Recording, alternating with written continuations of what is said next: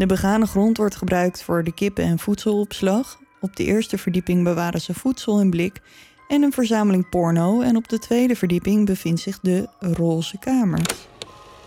Charles heeft zichzelf geschilderd met een prop in zijn mond en vijf kogelgaten in zijn hoofd. Huh? Er staat een man naast haar. Hij is waanzinnig knap, maar toch ziet hij eruit alsof hij uit een oude foto is gestapt.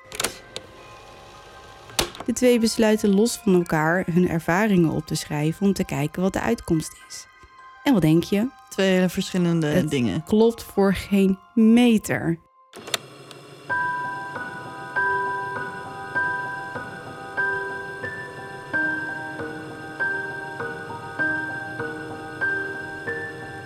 Dit is Duister. Een podcast waarin je wordt meegenomen naar het onbekende, het onbegrijpelijke. Zwarte bladzijden van de geschiedenis komen voorbij. Hier hoor je de verhalen achter moord, doodslag en onverklaarbare gebeurtenissen. We kruipen in de hoofden van een serie moordenaars, heksen, mythische wezens. Luister en huiver naar duister.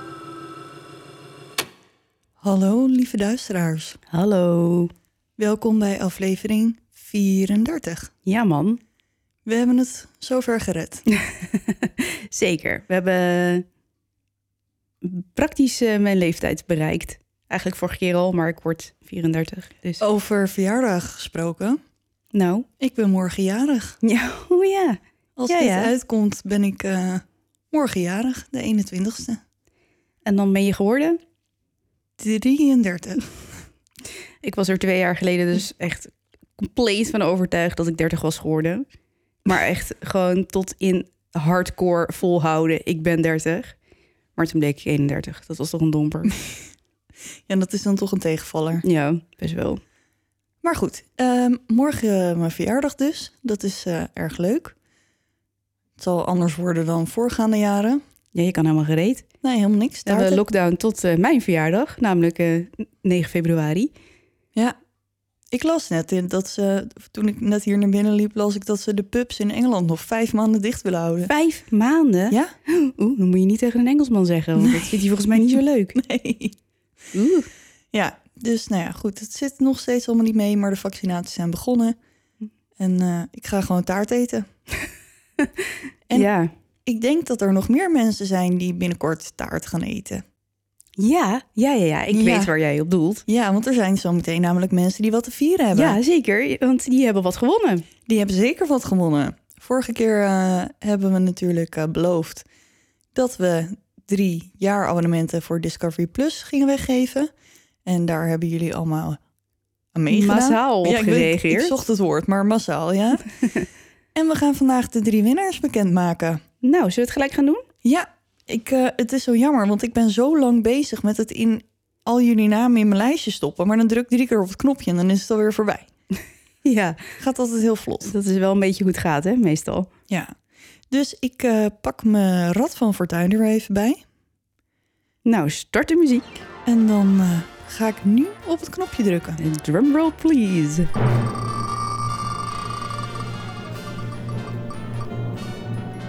Onze eerste winnaar is geworden Robin Smout. Yay!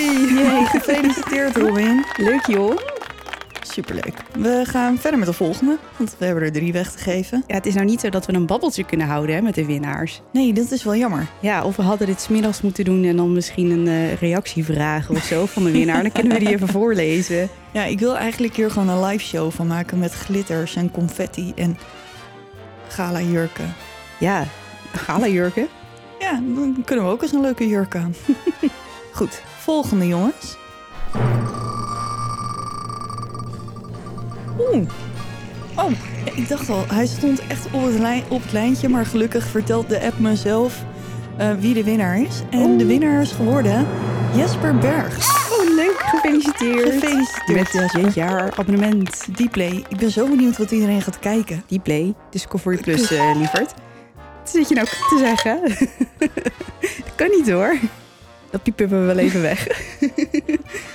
Dat was dus eh, Jesper. Gefeliciteerd, Jesper. Gefeliciteerd met je Discovery Plus abonnement.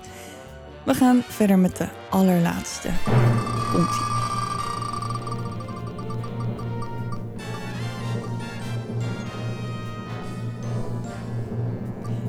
Nou, je gelooft het niet. Nou, vertel. Het is weer een man. Oh, Ja, Anton van Alphen. oh wat leuk. Gefeliciteerd, Anton. Ja. Wat veel mannen hebben er meegedaan, Nou, denk ik dan.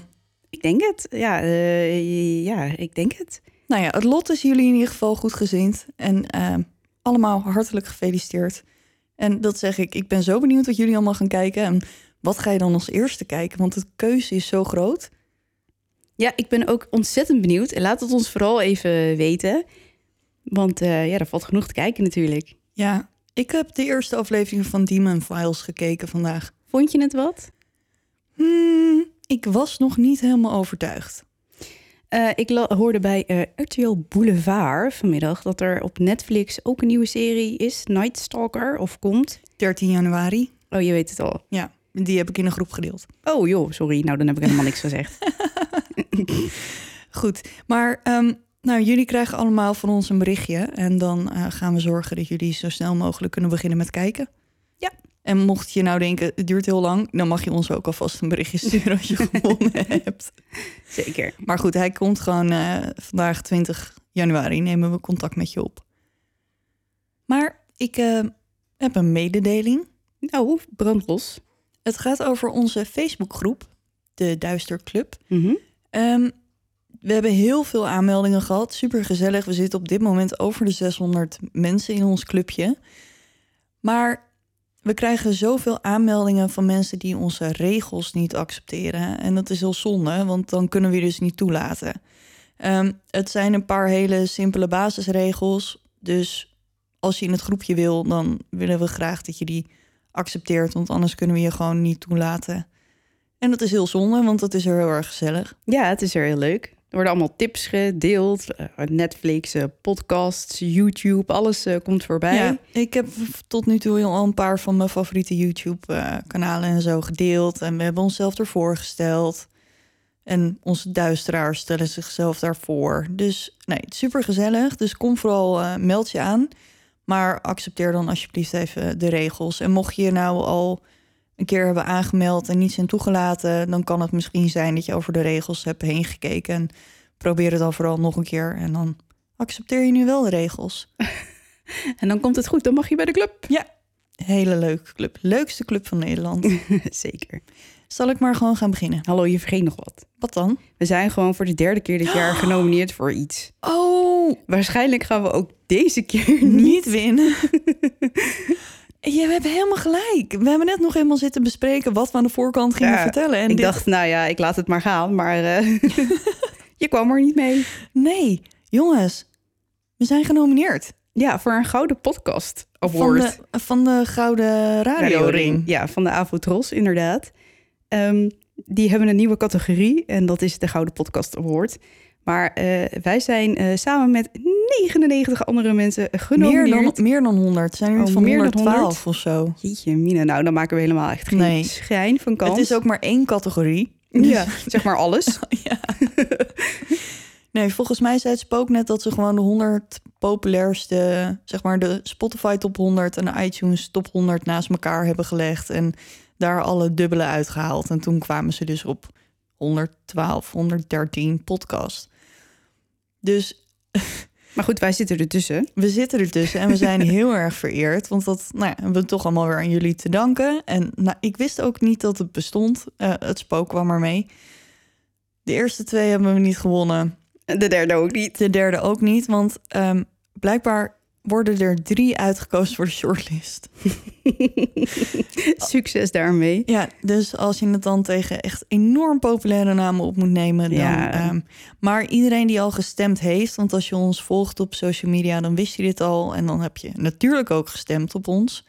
Ehm, dus heel erg bedankt in ieder geval als je dat gedaan hebt. En wie weet, misschien in één keer komen we uit een onverwachte hoek eh, toch in die top drie terecht. Maar hmm, we zijn wel gegroeid, maar niet zo hard. Nee. In ieder geval, iedereen hartelijk dank voor je stem. En eh, volgend jaar probeer je het gewoon weer. Nou, dan ga ik maar beginnen. Nou, oké. Wordt wordt wordt wel tijd, denk ik dan. Nou, ga je gang.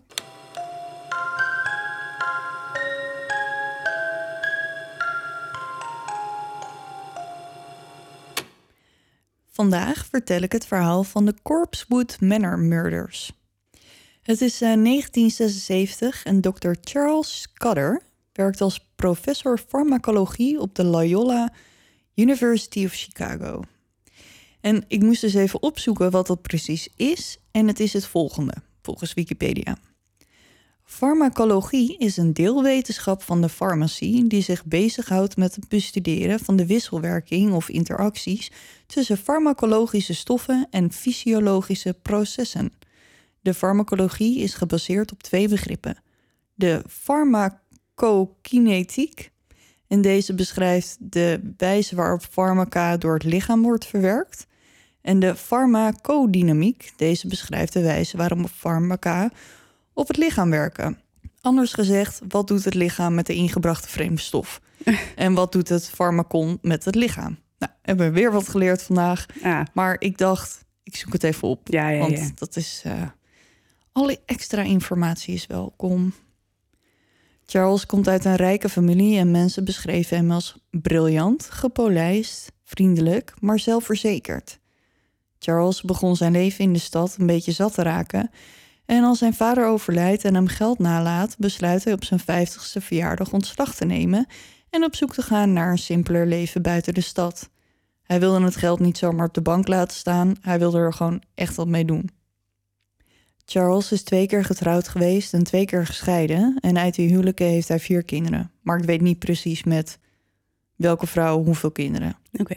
Het waren er vier. Alle kinderen waren nu volwassen en uit huis en Charles was nu met zijn partner, tromgeroffel, Joseph Odom. Ah, weer een Joseph. Echt, ik moet eens naast elkaar leggen hoeveel Josephs we al tegengekomen zijn in, eh, in mijn verhalen. Met zijn tweeën besluiten ze samen met hun twee honden te verhuizen naar een stuk land van zo'n 17 hectare dat ze net hadden gekocht met het geld van Charles' vader in Somerville, Georgia. Charles en Joe, sorry, ik kan Joseph echt niet meer uit mijn mond krijgen. Oh, dus het wordt nu Joe. Joe is het gewoon vanaf nu. Oké. Ze leerden elkaar kennen in een boekwinkel. De kinderen van Charles woonden toen nog thuis en het klik- klikte echt gelijk tussen de twee. Ze waren eigenlijk vanaf het begin aan onafscheidelijk. Joe trok bij Charles en de kinderen in en hielp met de kinderen en het onderhouden van het huis. Charles had heel veel respect voor Joe. Charles was het type studiebol met veel diploma's en natuurlijk zijn baan als professor. Hij was zeg maar meer booksmart en Joe was meer street smart. Joe had niet al die boekenkennis, maar was wel heel intelligent en hij had heel veel levenservaring en dat bewonderde Charles en hem. De twee vullen elkaar goed aan en eigenlijk is het een match made in heaven. Ze vertrekken in een camper naar Somerville voor een nieuw avontuur. Als ze hun land oprijden, zien ze hun overleden paard langs de weg liggen. Geïnspireerd door het dode paard besluiten ze om de weg dan maar Dead Horse Road te noemen. Ze rijden de weg af en dan zijn ze op een eigen land. 17 hectare, helemaal voor hunzelf, waar ze alles kunnen doen wat ze willen. Er staat geen huis, het is echt alleen maar land en ze zijn van plan om hier een eigen huis te bouwen. En dan ook gewoon echt helemaal zelf, gewoon met z'n tweeën. En terwijl ze bouwen, wonen ze in een camper. Helaas raasde er een sneeuwstorm over het gebied toen ze er net waren, maar het gaf ze wel inspiratie voor de naam van hun toekomstige huis. Ze noemen het huis Corpsewood Manor, omdat ze omringd worden door dode bomen. Gezellig. Gezellig, hè? Ja. Ja. Als de weersomstandigheden beter zijn, beginnen ze eindelijk aan de bouw van wat ze zelf een fort noemen. Een huis van twee verdiepingen. Ik vind het zelf meer op een kasteel lijken, of het leek meer op een kasteel, dan op een fort, maar oké. Ik heb foto's, dus die plaats ik dan nog wel even ja, op de ik ben website. benieuwd. Ik weet niet zo goed wat ik me er nu bij, bij voor moet stellen. Maar eh, Nee, nou ja, goed, foto's op de website. meer een beetje een kasteel dus.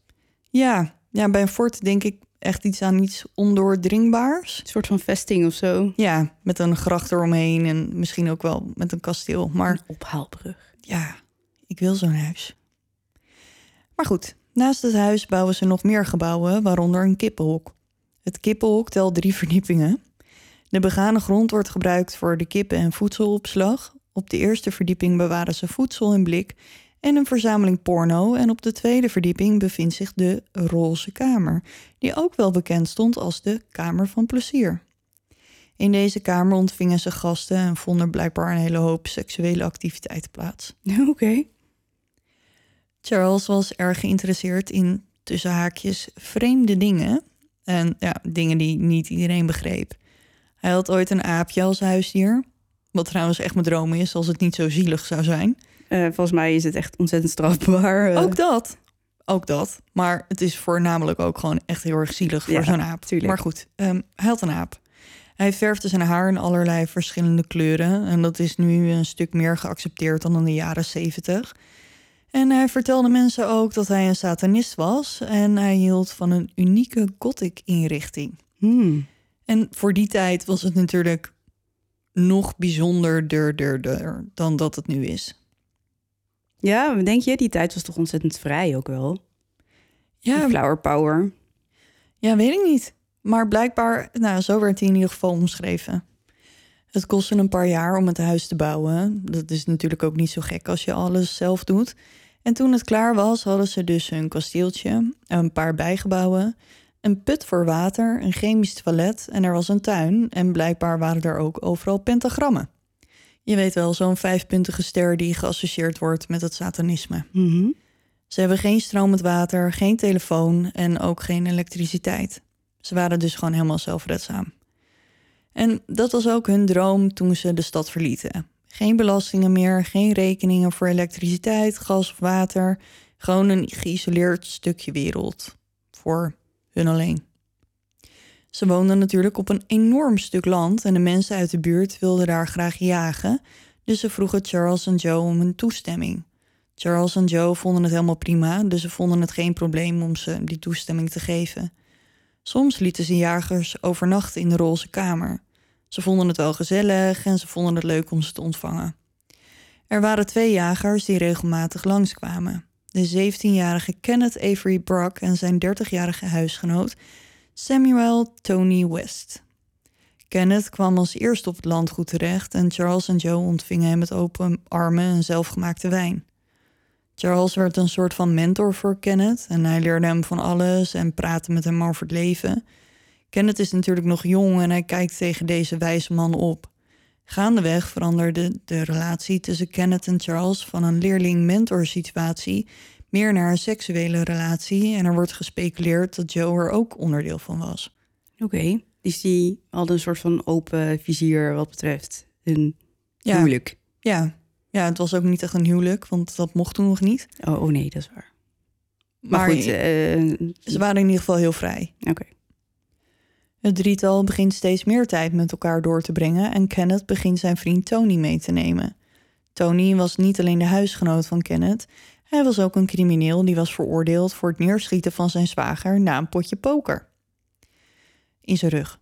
Oh, We zijn ondertussen in 1982 aangekomen en Tony gaat regelmatig met Kenneth mee naar Charles en Joe.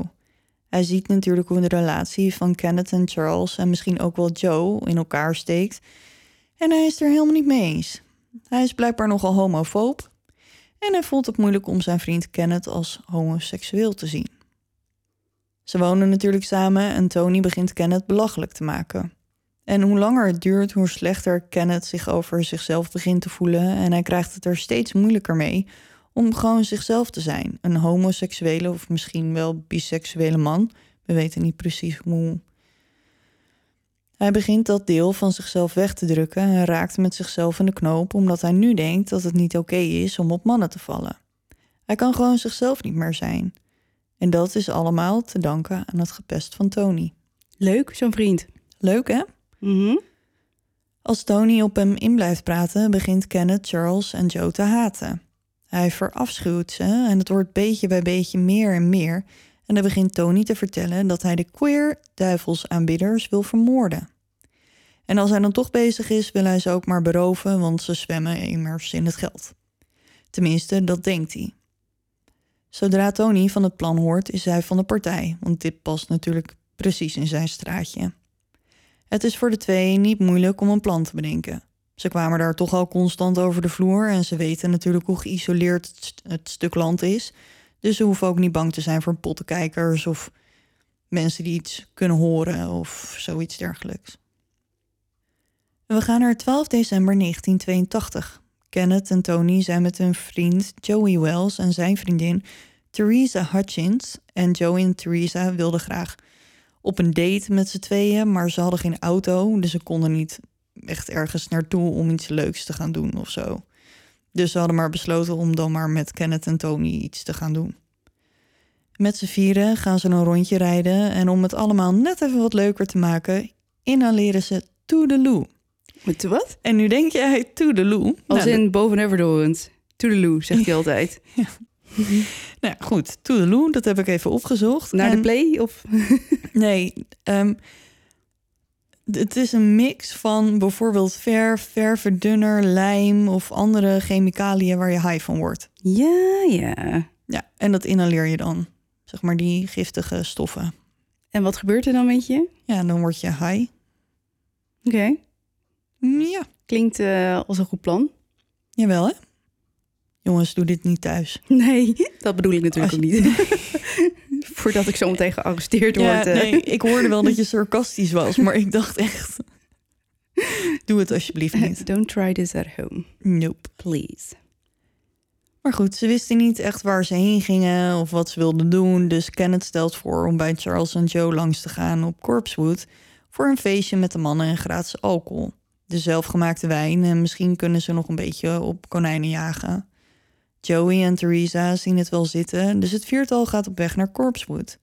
Onderweg stoppen ze nog bij het huis van Kenneth's moeder om een kaliber 22 geweer op te halen. Als ze aankomen is Charles blij dat ze er zijn en hij ontvangt ze met open armen. Hij geeft ze een eigen gemaakte wijn en ze hangen in de roze kamer. Ze maken lol, de wijn vloeit rijkelijk en iedereen lijkt het naar zijn zin te hebben. Na een paar uur gaat Kenneth naar buiten om meer toedeloe te maken. Dat is alleen niet wat hij echt aan het doen was, het was een excuus. Eigenlijk was hij naar de auto gelopen om het geweer te halen. Met het ding in zijn hand klimt hij de ladder naar de roze kamer op en eenmaal boven richt hij het op het hoofd van Charles. Charles, die natuurlijk geen enkele reden heeft om aan te nemen dat Kenneth serieus is, denkt dat hij een grapje maakt en zegt: Bang, bang. In zijn hoofd zijn ze natuurlijk hele goede vrienden en kennen ze elkaar heel erg goed, dus hij kan zich gewoon niet voorstellen dat, dat dit echt gebeurt. Ik zou toch wel. eh, ja, maar goed, oké. Nou goed. Ik wilde zeggen, ik zou toch wel een beetje bang worden als iemand een wapen op mijn hoofd richt. Maar ehm, wij zijn natuurlijk echt zero wapens gewend in ons land. Ja. Misschien dat het in Amerika iets normaler is om eh, wapens te zien of bij je te hebben. Ja, en helemaal Of- als je, als je ze dan ook nog kent van het jagen, want dat, Ja, dat kwamen ze in de eerste instantie doen. Maar als er eentje op je hoofd gericht staat, dan zou ik denk ik toch wel. ehm, Ja, nou ja, Charles reageerde dus heel relaxed. En daardoor leek Kenneth zich ook een beetje te ontspannen. En nou, daarna legde hij het wapen ook weg en hij begint gewoon weer te drinken. Maar niet lang daarna wordt het feestje verstoord als Tony het wapen grijpt en Kenneth een mes uit zijn laars haalt. Hij houdt het mes tegen de keel van Charles en Tony richt het wapen op hem. Dit is het moment dat Charles zich realiseert dat dit geen grap is, maar dat ze bloedserieus zijn. Ze stoppen een prop stof in zijn mond om hem het zwijgen op te leggen en binden zijn handen en voeten vast. Als ze er zeker van zijn dat hij geen kant op kan, beginnen ze hem te ondervragen over het geld. waar is Joe dan? Ja, die is niet in de roze kamer nu. Oké. Kenneth en Tony zijn nog steeds in de veronderstelling dat Charles en Joe ergens een hoop geld rond hebben slingeren. Dus voordat ze ze vermoorden, willen ze eerst weten waar ze het kunnen vinden. Joey en Theresa hebben geen flauw idee wat er aan de hand is en waarom hij ineens zo escaleert. Wat ze wel weten is dat, het, dat ze daar zo snel mogelijk weg willen, want hier willen ze helemaal niks mee te maken hebben. Ze klimmen zo snel mogelijk de ladder af en rennen naar de auto waar ze mee gekomen zijn.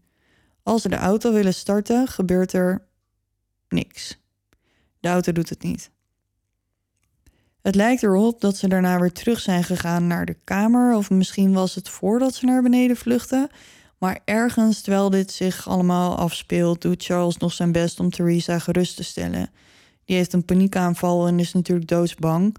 En Charles doet er alles aan om haar er doorheen te loodsen. Terwijl hij zelf dus met een prop in zijn mond Oké. zit daar. Best knap dan van hem. Ja. Tony en Kenneth waren op zoek naar geld, maar er was helemaal geen geld. Al het geld dat er ooit was geweest, hadden Charles en Joe gebruikt om het huis te bouwen en in te richten.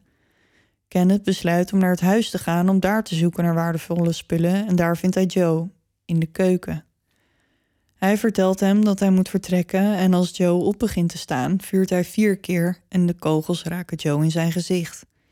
Nadat Kenneth Joe heeft neergeschoten, richt hij zijn wapen op de twee honden van de mannen die in de buurt lagen te slapen en schiet ook hen dood. Jezus. Dat snap ik dan maar niet. Want Ik- maar ik denk- ik wat kan die beesten nou weer misdaan? Ja, helemaal niks, maar volgens mij waren het wel echt grote honden. Volgens mij iets van mastiefs of zo. Mastiffs. Oh ja, dat zijn van die hele bolle... Ja, Maar ja, vormen die een gevaar dan of zo? Eh, nou ja, ik denk wel dat die hun baasje zouden beschermen. Ik word daar wel een beetje chagrijnig van. Ik ook. Ik ook, ik ook, ik ook. Terwijl Kenneth in het huis is en zit Tony nog steeds met Charles in de roze kamer. Hij neemt Charles mee naar het huis en het eerste wat Charles ziet is het bloedbad, zijn dode partner en twee dode honden. Ze parkeren Charles op de bank en samen doorzoeken ze het huis voor het geld waarvan ze nog steeds denken dat het ergens verstopt is. Charles was opgestaan van de bank. Hij probeerde dichter bij Joe in de buurt te komen, maar als Tony het in de gaten heeft, dreigt hij hem neer te schieten als hij hem dat nog één keer ziet doen. Charles gaat weer zitten, maar neemt dan een besluit en loopt naar Joe. Hij heeft nu toch niks meer te verliezen. Vlak voordat hij geraakt wordt door vijf kogels, zegt hij: Ik heb hier om gevraagd. Maar hoe weten we dat dan, dat hij dat zei? Vanwege latere Ja, verklaringen. ja. Ik denk niet dat hij via een medium dat zelf heeft. eh. Nee, maar misschien dat die andere twee eh, erbij waren of zo. Ik heb geen idee. Nee, zij zijn op dit moment niet hierbij. Dus of ze in de auto zitten of in die roze kamer, maar ze zijn in ieder geval niet in het huis. Voor zover ik weet. Kenneth en Tony verzamelen alles waarvan ze denken dat het wat waard is en gaan er vandoor. Hun eigen auto doet het niet meer, dus ze pakken de auto van Charles. De auto van Charles is beschilderd met een pentagram, dus echt onopvallend kun je de auto niet noemen. Maar die andere twee, die zijn daar nog. Nou, dat ging ik dus net zeggen. Ik weet dus niet helemaal zeker hoe Theresa en Joey daar zijn weggekomen. Want Kenneth en Tony zijn met z'n tweeën weggegaan. Ja, want die weten natuurlijk dat Theresa en Joey weten dat zij die moorden net hebben gepleegd. Ja. Dus het, als ik hun was, was ik gaan rennen voor mijn leven, denk ik. ja, dus of dat hebben ze gedaan... of ze hebben op de een of andere manier toch die auto weer aan de praat gekregen. Maar ze zijn in ieder geval daar vandaan gekomen zonder Tony en Kenneth. Oké. Het duurde twee dagen voordat de lichamen van Charles en Joe werden ontdekt. Een vriend van het stel kwam naar het landgoed en toen hij daar aankwam zag hij dat de deur open stond en dat er kogelgaten in de ramen zaten. Hij gaat op onderzoek uit en vindt dan zijn overleden vrienden. Hij neemt contact op met de politie en die start tegelijk een onderzoek. Charles en Joe hebben een reputatie in de buurt als satanisten met rare gebruiken en een rare inrichting en de politie laat zich daar een beetje door afleiden. Tijdens de doorzoeking van het huis doen ze een interessante ontdekking. Ze vinden een zelfportret van Charles. Charles heeft zichzelf geschilderd met een prop in zijn mond en vijf kogelgaten in zijn hoofd. Huh? Ja, dus dat is echt precies de manier waarop hij echt overleden is. Wat bizar. Ja, dus mensen vroegen zich af of hij misschien op de een of andere manier zijn eigen dood had voorspeld of zo. Maar wat raar om dat ook van jezelf te maken. Ja, nou had hij natuurlijk wel een bijzondere smaak. Jawel, maar dit is wel een beetje morbide. Ja. Ja, blijkbaar was hun hele... Ze hadden ook schedels en dat soort dingen. eh, Gewoon een beetje... ja. Ja. Ik denk dat het in het interieur wel paste, Oké. als ik het zo lees. Zodra het nieuws van de moorden naar buiten komt, barst er een mediacircus los. Voor de media is deze zaak natuurlijk een feestje, want twee dode Satan-aanbidders en ze zijn ook nog eens gay. ja. Dus allemaal sensatie, sensatie. De focus van de media lag dus ook bij het leven van het stel als homoseksuele satanisten en niet per se bij hun dood. De politie heeft geen idee wie de dader is, dus ze tasten in het duister. Dit blijft zo totdat er een getuige bij ze komt. En de getuige is Theresa Hutchins. Mm. Ze vertelt ze alles wat ze weet. Dat ze gewoon op een date wilde met haar vriendje Joey en ineens betrokken was bij een meervoudige moord. Ze is doodsbang voor Kenneth en Tony omdat ze gedreigd hadden haar ook te vermoorden als ze haar mond open zou doen. Maar toch doet ze haar verhaal bij de politie. Niemand weet waar Kenneth en Tony op dat moment zijn. Het enige wat ze weten is dat ze Charles Jeep met het pentagram erop hebben meegenomen. Kenneth en Tony hebben een klein beetje verstand en weten dat ze zo wel heel erg opvallen in de auto van Charles. Dus als ze in Bovina, Mississippi zijn, stoppen ze om een andere auto te zoeken.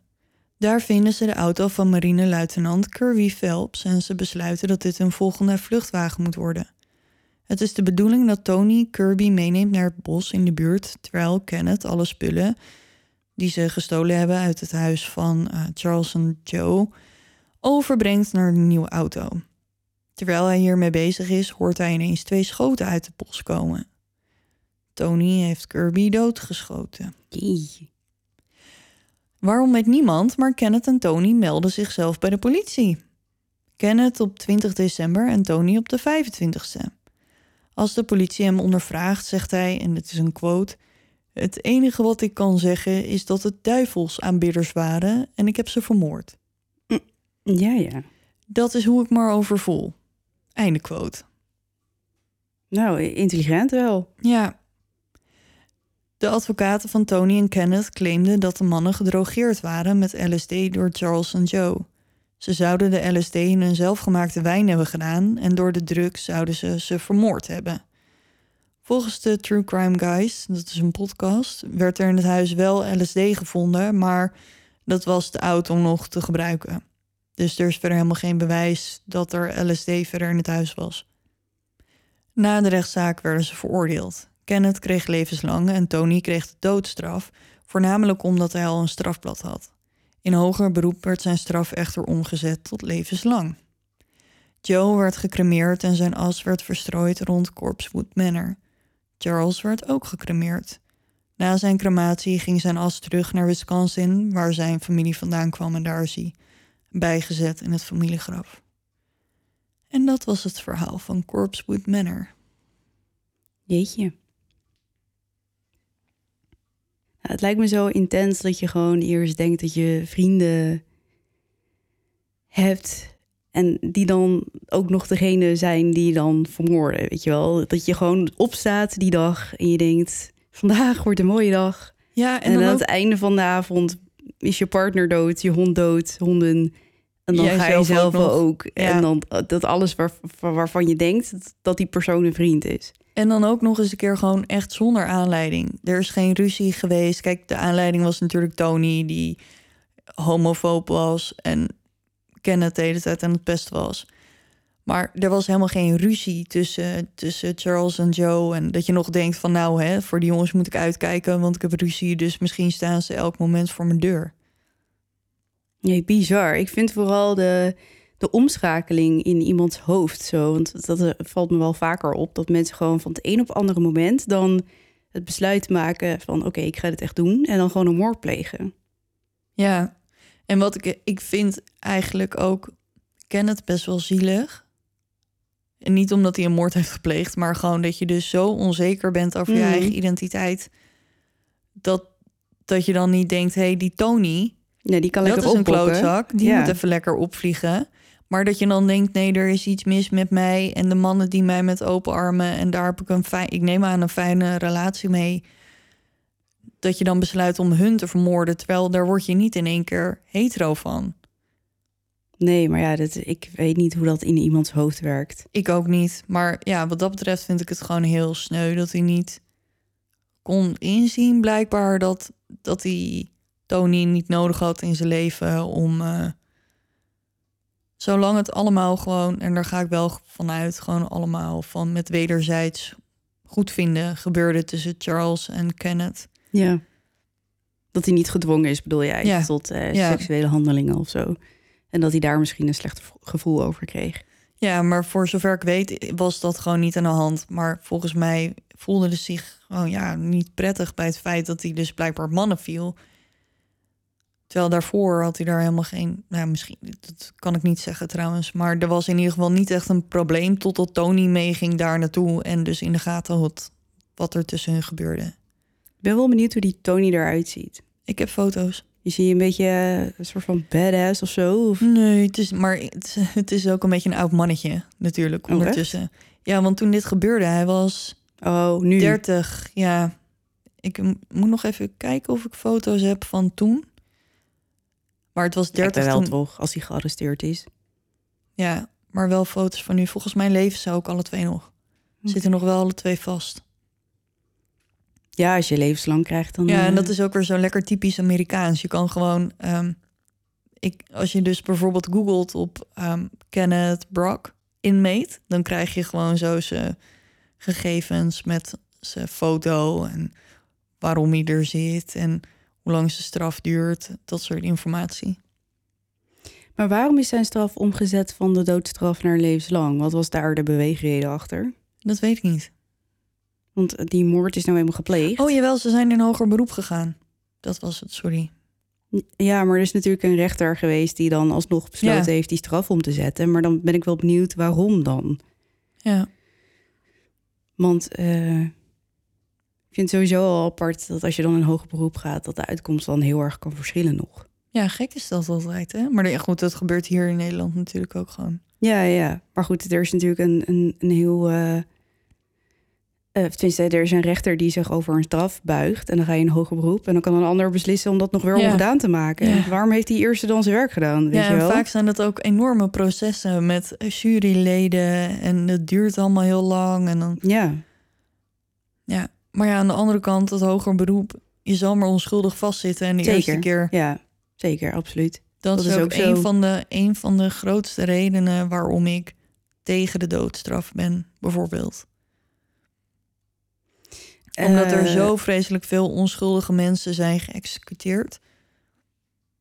Waar, waarna, zeg maar, na hun dood komt dan in één keer naar buiten. Ja, Pietje heeft het gedaan.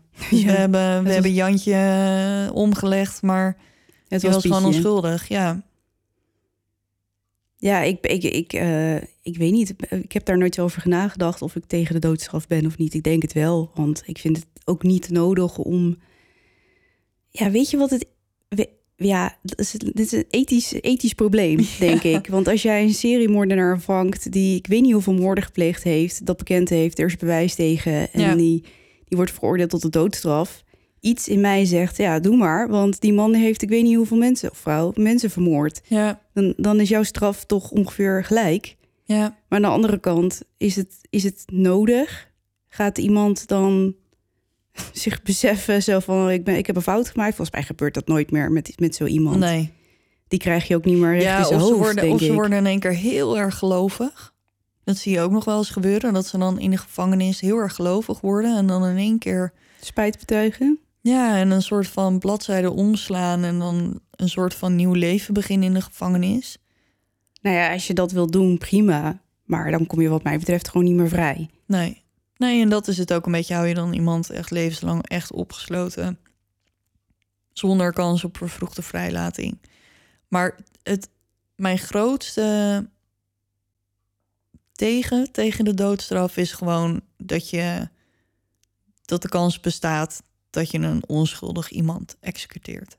Ja, precies. Dus- En voor de rest moet ik er nog even over nadenken. Maar in ieder Ja, geval, Dat zeg ik, dat is best wel een ethisch eh, ja, en het ding. is ook best wel een complex ding. Maar ja, ik denk toch, dat is in ieder geval mijn grootste tegen. Oké. Goed, nou, ik vond het... eh, ik kende het niet. Ik vond het interessant. Mooi zo. Dank je. Ga jij nu beginnen? Ik ga beginnen. Oké.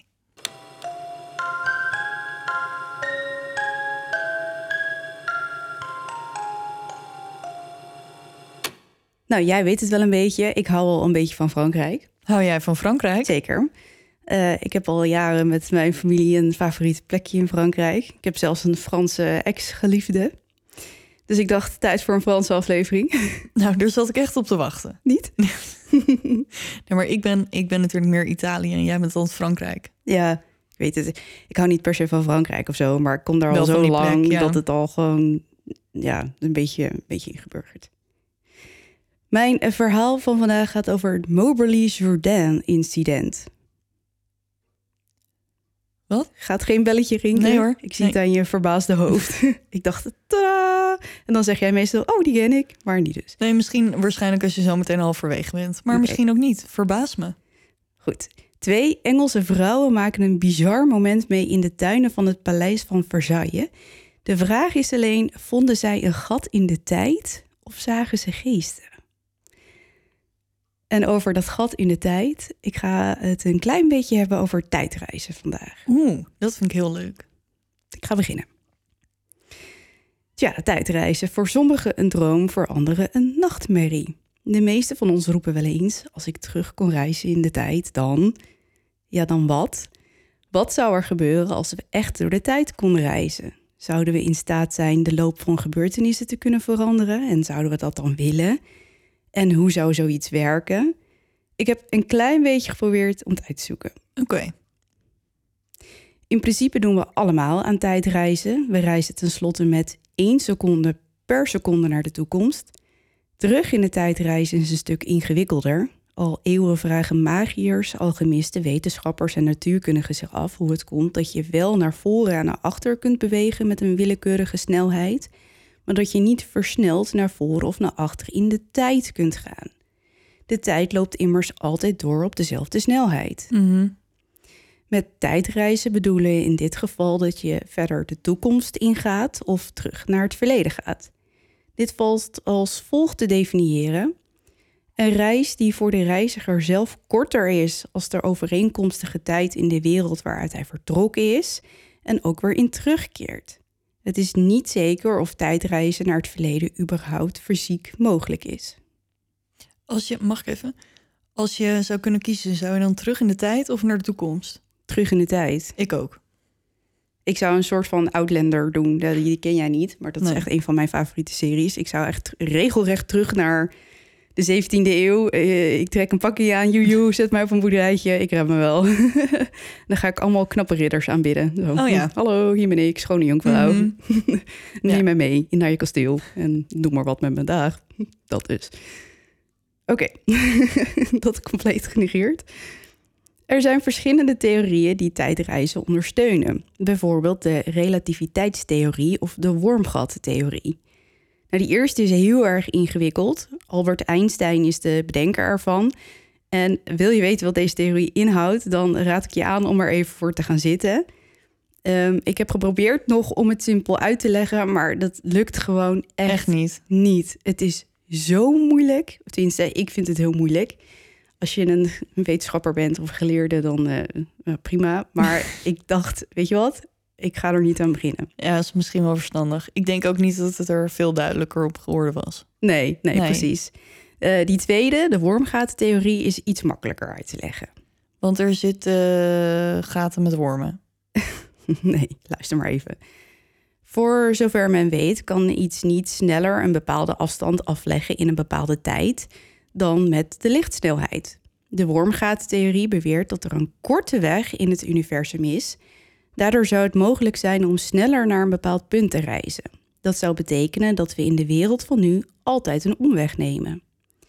De naam wormgattheorie komt van de manier waarop deze theorie vroeger werd uitgelegd. Stel dat de buitenkant van een appel het universum is en dat een worm van de bovenkant naar de onderkant van de appel wil. Als de worm om de appel heen gaat, is de afstand groter dan wanneer de worm recht door de appel heen een gat graaft of eet. Zo zou dat volgens deze theorie dus ook voor het universum gelden. Snap je? Ja, duidelijk, duidelijk. Oké, fijn. Goed, nu we een klein beetje snappen hoe het werkt, kom ik bij mijn verhaal, het Moberly-Jourdain incident.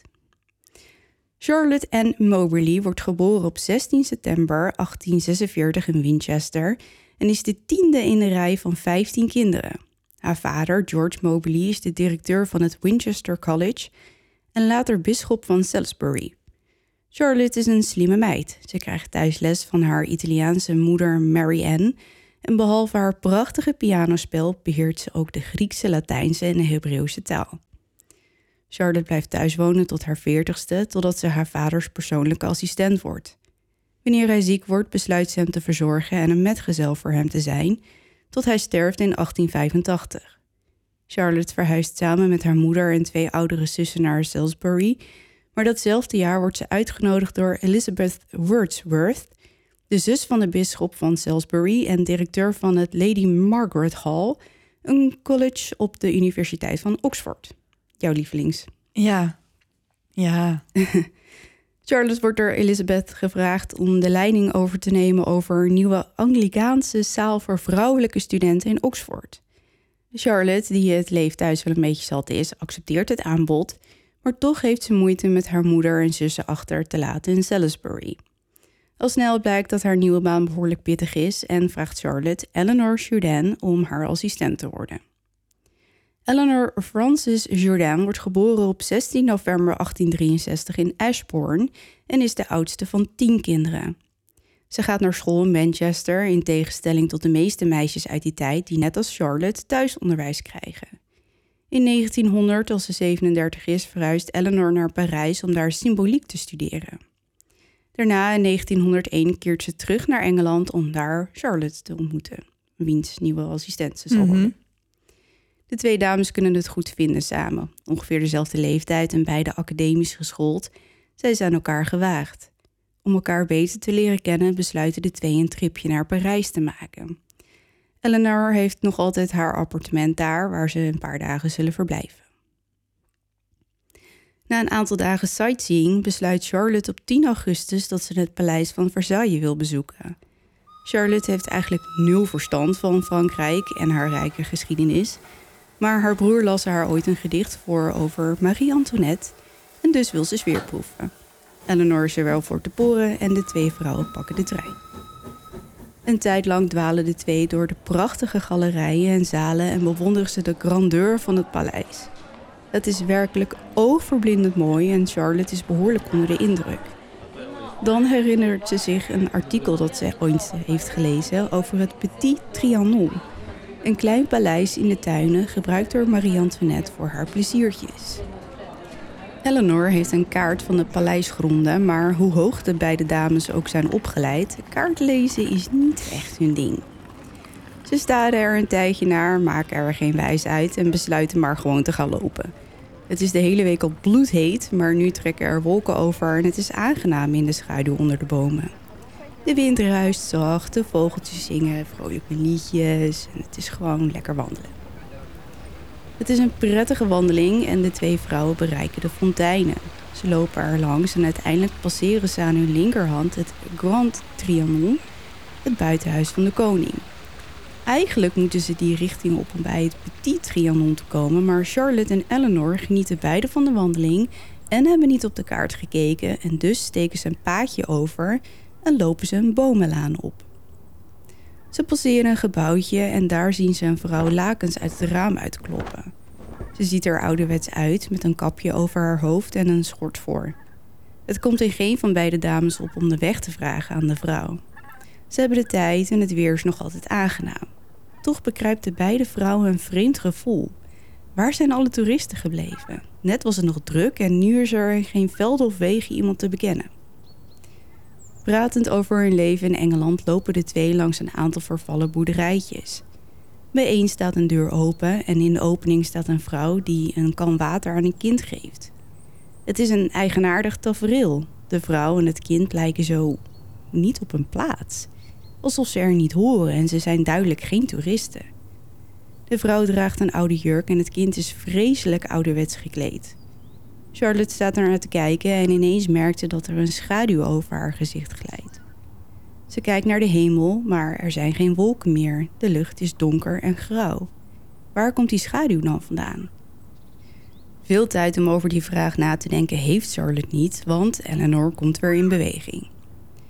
Charlotte volgt en probeert Eleanor's blik te vangen, maar ze ziet dat deze haar aandacht er niet echt bij lijkt te hebben. Zwijgend lopen ze verder. Na een tijd splitst het pad zich. Aan de ene kant strekt een lange bomenhaag zich uit. Aan de andere kant maakt het pad een scherpe bocht naar links. Daar staan twee mannen. Charlotte en Eleanor kiezen het linkerpad en lopen op de mannen af. Ze zien eruit als tuinmannen, maar dan net even anders. Charlotte kan niet goed thuisbrengen wat er zo vreemd is aan hen, behalve dat ze eruit zien alsof ze regelrecht uit het verleden zijn gestapt. Eleanor vraagt de mannen de weg en een van hen staat haar te woord en wijst in zuidelijke richting. Charlotte heeft even de tijd om ze te bekijken. Ze dragen groene lange jassen en een driepuntshoed. Er staat een ouderwetse kruiwagen niet ver van hen af en het valt Charlotte op dat de man vreselijk beleefd is, bijna alsof hij tegen een dame van adel spreekt. Als ze weglopen bekruipt Charlotte een bizar gevoel. Het is een leeg, paniekerig, onbestemd gevoel. Met iedere stap die ze zet lijkt het intenser te worden en aan de stilte tussen beide vrouwen te merken heeft Eleanor er ook last van. Weer komen ze bij een kruising en de twee vrouwen staan er besluiteloos voor. Charlotte ziet Eleanor om zich heen kijken en ze volgt haar blik. Opeens wordt ze zich erg bewust van haar omgeving. Alles lijkt zo onwerkelijk, als een droom. Toch komen ze weer in beweging en slaan rechtsaf. Ze naderen een klein huisje.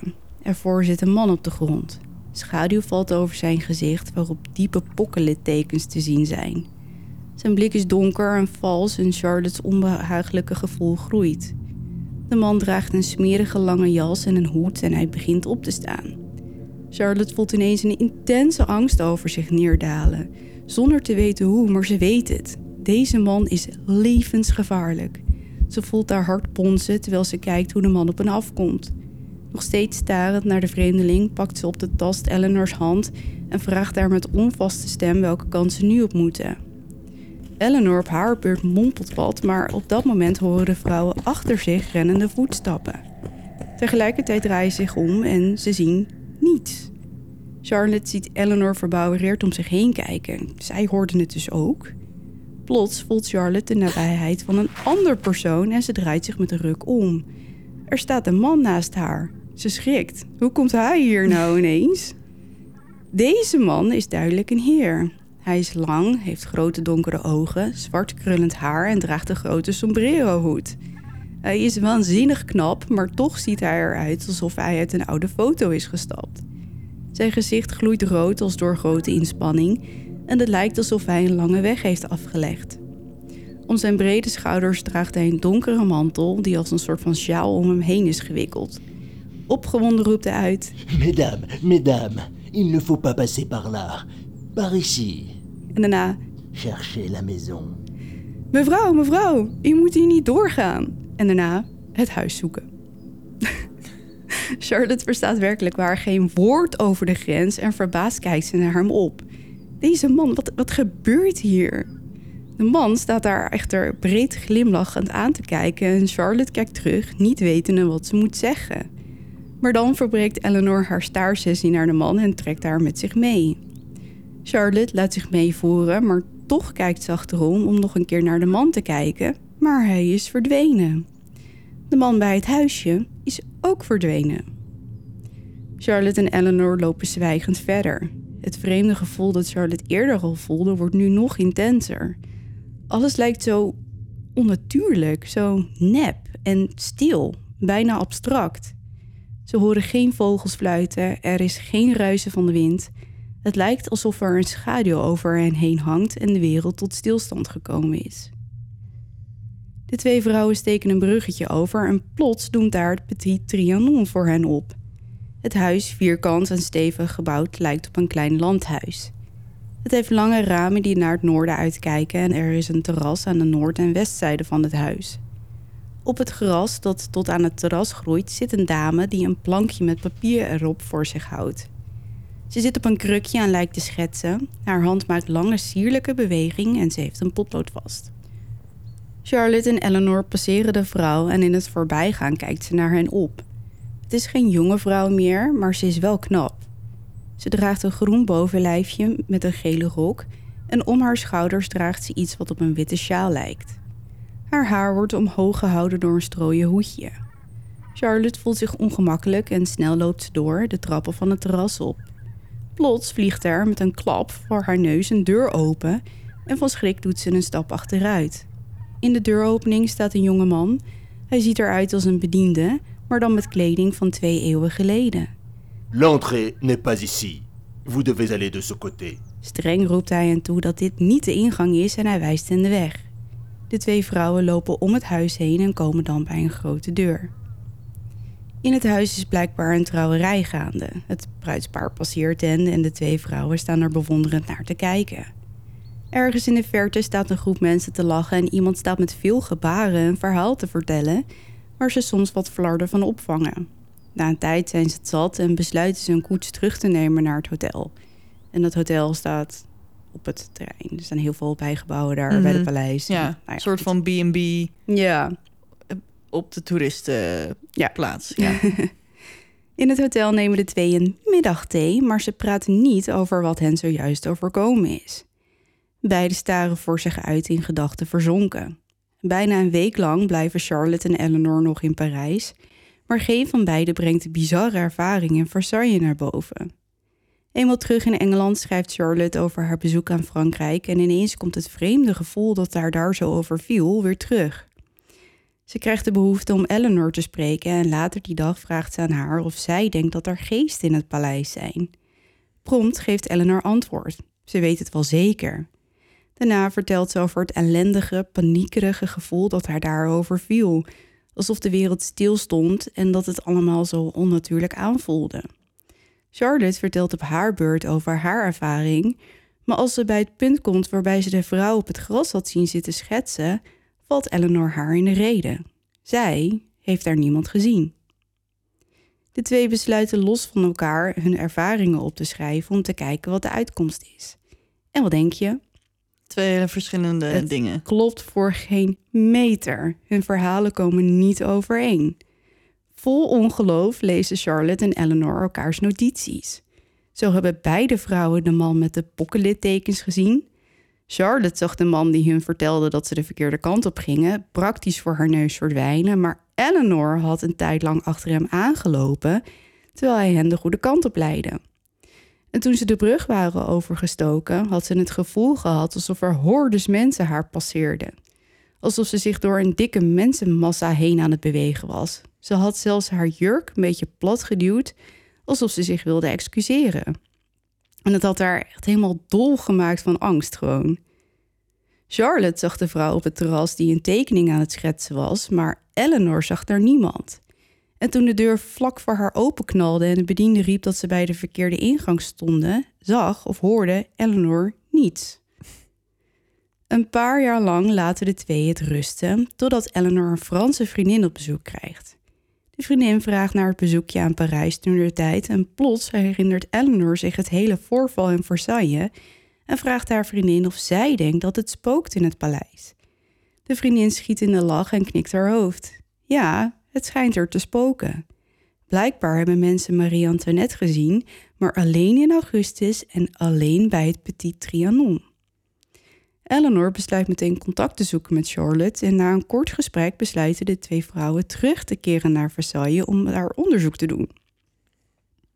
Er is hen blijkbaar iets bizars overkomen en ze willen precies weten wat. Eind 1904 keren de twee vrouwen terug naar Parijs. Tijdens de reis bespreken ze hun gedachten. Charlotte denkt dat ze geesten gezien hebben, maar Eleanor denkt dat ze geen geesten zagen, maar een herinnering. Die van Marie-Antoinette wel te verstaan.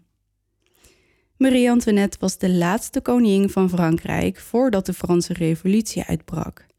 Ze kwam uit Oostenrijk en was getrouwd met Lodewijk XVI. In de tijd dat Marie koningin was, ging het met de bevolking niet heel goed in Frankrijk.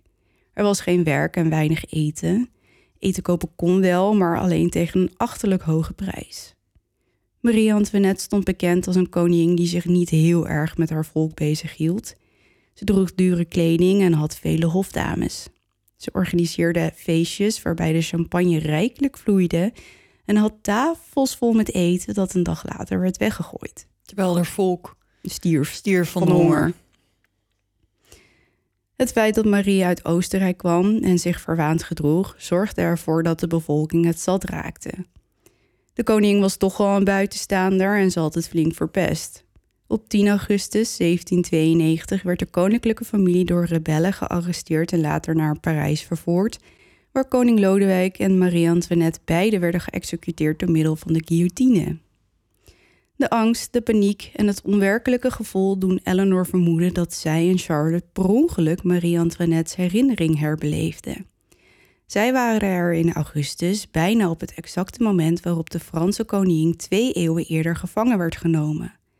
Kan het zijn dat ze haar angst voelde, de paniek, het onbestemde gevoel? wist Marie-Antoinette dat ze gearresteerd zou worden en later vermoord. Eleanor denkt van wel. Maar nu ze terug zijn bij het paleis, gebeurt er iets bizars, waardoor de beide vrouwen compleet overrompeld raken. Niets lijkt op hun vorige bezoek. De vervallen boerderijtjes zijn verdwenen, maar ook het huisje waar de man met de littekens zat. De brug die ze overstaken, ingestort. Hoe is het in hemelsnaam mogelijk dat ze een brug overstaken terwijl het ding in brokstukken op de grond ligt? Het pad dat ze volgden toen de man Eleanor de juiste weg wees, verdwenen. Afstanden die ze toen aflegden lijken nu korter en de bomenlaan waar ze langs liepen is nergens meer te vinden. Charlotte en Eleanor, beide academisch geschoolde vrouwen, beginnen hun eigen onderzoek. Ze moeten dit uitvogelen. Ze komen erachter dat de mannen met de groene jassen, waarvan ze dachten dat het tuinmannen waren, Mhm.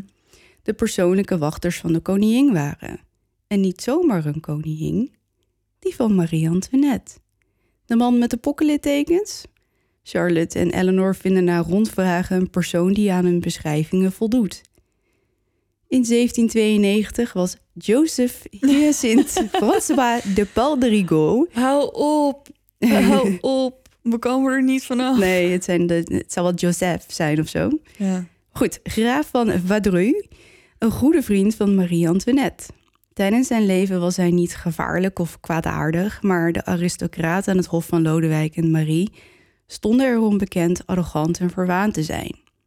De graaf diende tijdens de Zevenjarige Oorlog, waarbij hij de pokken opliep, wat hem een gezicht vol littekens naliet. Oh ja, die brug waar ze overheen liepen. Er was wel degelijk een brug in 1798, maar deze stortte later in en werd niet herbouwd. Nu raakt Charlotte ook overtuigd. Op de een of andere manier zijn ze terug in de tijd gereisd en de vrouw die ze zagen schetsen, dat moet Marie-Antoinette geweest zijn. Maar toch weet Charlotte het niet zeker. Ze bekijkt portretten en tekeningen van de koningin, maar het beeld van de- vrouw in haar hoofd is toch anders. De neus is korter en de vorm van het gezicht vierkanter. Een aantal jaar later leest Charlotte de dagboeken van de eerste hofdame van Marie-Antoinette, Madame Campon, waarin geschreven wordt dat er maar één portret van de koningin is dat gelijkend is. Op alle andere komt haar gezicht niet mooi uit. Nadat Charlotte het portret ziet waar Madame Campon over schreef, is ze wel overtuigd. Ze zag Marie-Antoinette. Antoinette. In 1908 vinden Charlotte en Eleanor het dagboek van Madame Elof, de naaister van de koningin. Madame Elof schrijft dat Marie-Antoinette in 1789 maar weinig jurken liet maken. Die zomer maakte Madame Elof echter twee groene zijden lijfjes, een grote witte omslagdoek en een lichtgele rok. Natuurlijk. Dit komt precies overheen met de jurk die de vrouw droeg Die aan het schetsen was. die aan het schetsen was. Ja. Later onderzoek wijst uit dat het Petit Trianon een tijd werd gebruikt als kapel voor het hof. De deur die open was gevlogen voor hun neus tijdens het eerste bezoek was en is al jaren afgesloten. Maar deze deur was in 1792 de privé-ingang van de koningin. Het kan zijn dat de man die hen streng toesprak hen wilde behoeden voor een fout, namelijk het betreden van de kapel door de privé-ingang. Als klap op de vuurpijl vindt Eleanor een kaart uit 1783 waarop alle boerderijtjes te vinden zijn die nu zijn verdwenen. Het verhaal van Charlotte en Eleanor krijgt steeds meer bekendheid. Sceptici vragen zich af of er zich op de bewuste dag misschien een cinematograaf aanwezig was. En dat alle personen die de vrouwen zagen misschien wel acteurs waren die meededen aan een reenactment. En een reenactment, voor degenen die het niet weten, is strikt gesproken het naspelen of uitbeelden van historische gebeurtenissen, meestal op de plaats waar deze oorspronkelijk plaatsvonden, door deelnemers in een historisch kostuum. En dit Ja. zie je heel veel in Amerika. Ja, met veldslagen. en, Precies, soort Gettysburg en Ja. Independence Day en zo. Nou, dan is de hele, heel Amerika is dan verkleed als historisch persoon, geloof ik. maar goed. Charlotte en Eleanor verwerpen dit en later blijkt dat er op die dag geen acteurs en ook geen cinematograaf op het terrein was. Enkele jaren later schrijft Charlotte een boek over hun ervaring in Versailles, genaamd An Adventure. Beide vrouwen maken na haar een avontuur veel paranormale ervaringen mee. In een ervan beweert Charlotte in 1914 in het Louvre een verschijning te hebben gezien van de, let op, Romeinse keizer Constantijn. Een man van ongebruikelijke lengte met een gouden kroon en een japon. En hij werd verder door niemand anders gezien. Maar wat is een ongebruikelijke lengte? Is hij dan heel klein? Of Nee, heel lang. Oké, ja. Heel lang. Tijdens de Eerste Wereldoorlog raakte Eleanor ervan overtuigd dat een Duitse spion zich schuilhield op het college. Na het ontwikkelen van steeds autocratischer gedrag sterft ze plotseling in 1924. Charlotte sterft in 1937 op zeer hoge leeftijd. Ze werd namelijk 90. Dat is een mooie leeftijd. Mhm. En dat was het verhaal van Charlotte en Eleanor. Ja, bizar. Dus de vraag is: Wat is er gebeurd? Gingen het- zij terug in de tijd? Vonden ze een timeslip? Zagen ze geesten? Nee, het waren geen geesten. Nee, ze gingen echt de tijd door, dacht jij, denk jij? Ja. Want geesten zijn vaak niet zo duidelijk. En dan ook niet een soort van... Ik heb nog nooit gehoord van een heel dorp vol spoken. Nee, en ook niet de man die natuurlijk in het Frans tegen Charlotte begon te, te ouwehoeren. Wat ik heb geprobeerd eh, zo vloeiend mogelijk mijn strotje uit te krijgen. Maar die voerde gewoon een heel gesprek. En zij waren dus verdwaald. En blijkbaar wilde hij hen toch de juiste kant Ja, opwijzen. En dat de een hem wel zag en de ander niet, vind ik wel een beetje. Ja, natuurlijk zien sommige mensen geest, de ene geest wel en de andere niet. Maar ja, dat, dat vind ik eigenlijk wel het bizarst van alles. Dat ze zeg maar een soort van gat in de tijd vonden, kan ik nog inkomen. Maar waarom zag Charlotte wel Ja, Marie dan- Antoinette? En de man die tegen hun sprak verdwijnen. En Eleanor is gewoon echt een tijd lang achter hem aangelopen. Gewoon. Dat is wel raar. ja, alsof ze misschien een seconde later na elkaar of zo... oh, die dimensie ook zijn nog gelopen. verschillende... Ja, maar als je erover nadenkt, kan het toch?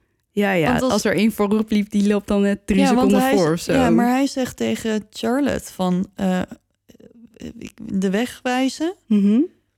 Maar Eleanor loopt vervolgens achter hem aan. Ja, Dus als daar nog een soort van slip is geweest... Ja, ik weet het ook niet. nee, ik weet het niet. Maar dit is dus echt gebeurd. Tenminste, deze twee vrouwen geloven dat dit echt gebeurd is. Ja, En je zou toch denken, kijk, als het, als het eh, Daf, Daf en Kimmetje uit eh, eh, Noord-Holland zijn, die gaan even een verhaal ophangen wat hun overkomen is in het paleis van Versailles. Dan denkt iedereen, ja, ja, tuurlijk. het is goed met je. Maar dit waren academisch geschoolde vrouwen met een behoorlijke reputatie. Hallo, ik ben ook gewoon academisch geschoold. Ja, ja, ja, maar in die tijd, 1901, Ja, nee, tuurlijk. dat was wel wat hoor. Ja, Op de Unie van Oxford. daar, ik, daar wil ik naartoe, naartoe terug in de tijd. Ja, dat snap ik. Ik, wil, ik zou daar ook wel een kijkje willen nemen. Hm. Maar goed, ik vond het dus... Ik, sorry, ik weet, ik weet, duisteraars, dat jullie zitten te hopen op een heel eng verhaal. En ik beloof je, volgende aflevering ga ik dat wel weer doen. Want ik heb nu een, een paar achter elkaar gehad die niet super eng waren. Maar ik vond deze gewoon bizar. Maar het zijn toch ook allemaal paranormale verhalen? Jawel, Super, Maar ik, supernatural ik merk verhalen. dat er steeds meer berichtjes komen met... oh, ik, ik had wel liever willen griezelen. Dat ik denk, ja, eh, oké, ik- het, Ja, het we komt, proberen maar ik wil ook wel een beetje afwisselen. En ik vind dit zo'n... Dit verhaal, dit is dan eens zo'n verhaal waar ik zelf al jaren geleden over gehoord heb. Waarvan ik dan denk, deze, deze hoort hier gewoon tussen. Ja. Tussen ons rijtje. Ja, Dit is toch bizar? ja. Oh, dan hebben we volgende aflevering wordt een leuke, want ik ben redelijk gruwelijk. Oh, nou dan ga ik, ga ik kijken of ik iets heel engs kan vinden. Ja, dan doen we gewoon een soort van eh gruwelijk eh, enge aflevering. Gruwelijk eng. Ja, dat. dat ja, gruwelijk eng. Oké. Nou jongens, ik, ik denk dat, eh, dat het er wel op zit voor vandaag. Ja. Dus ehm, doe jij nog even de socials. Ja, ik ben morgen jarig, dus je kan me feliciteren op eh, Twitter. Dat is @duisterpot. Ja. Instagram, @duisterpodcast.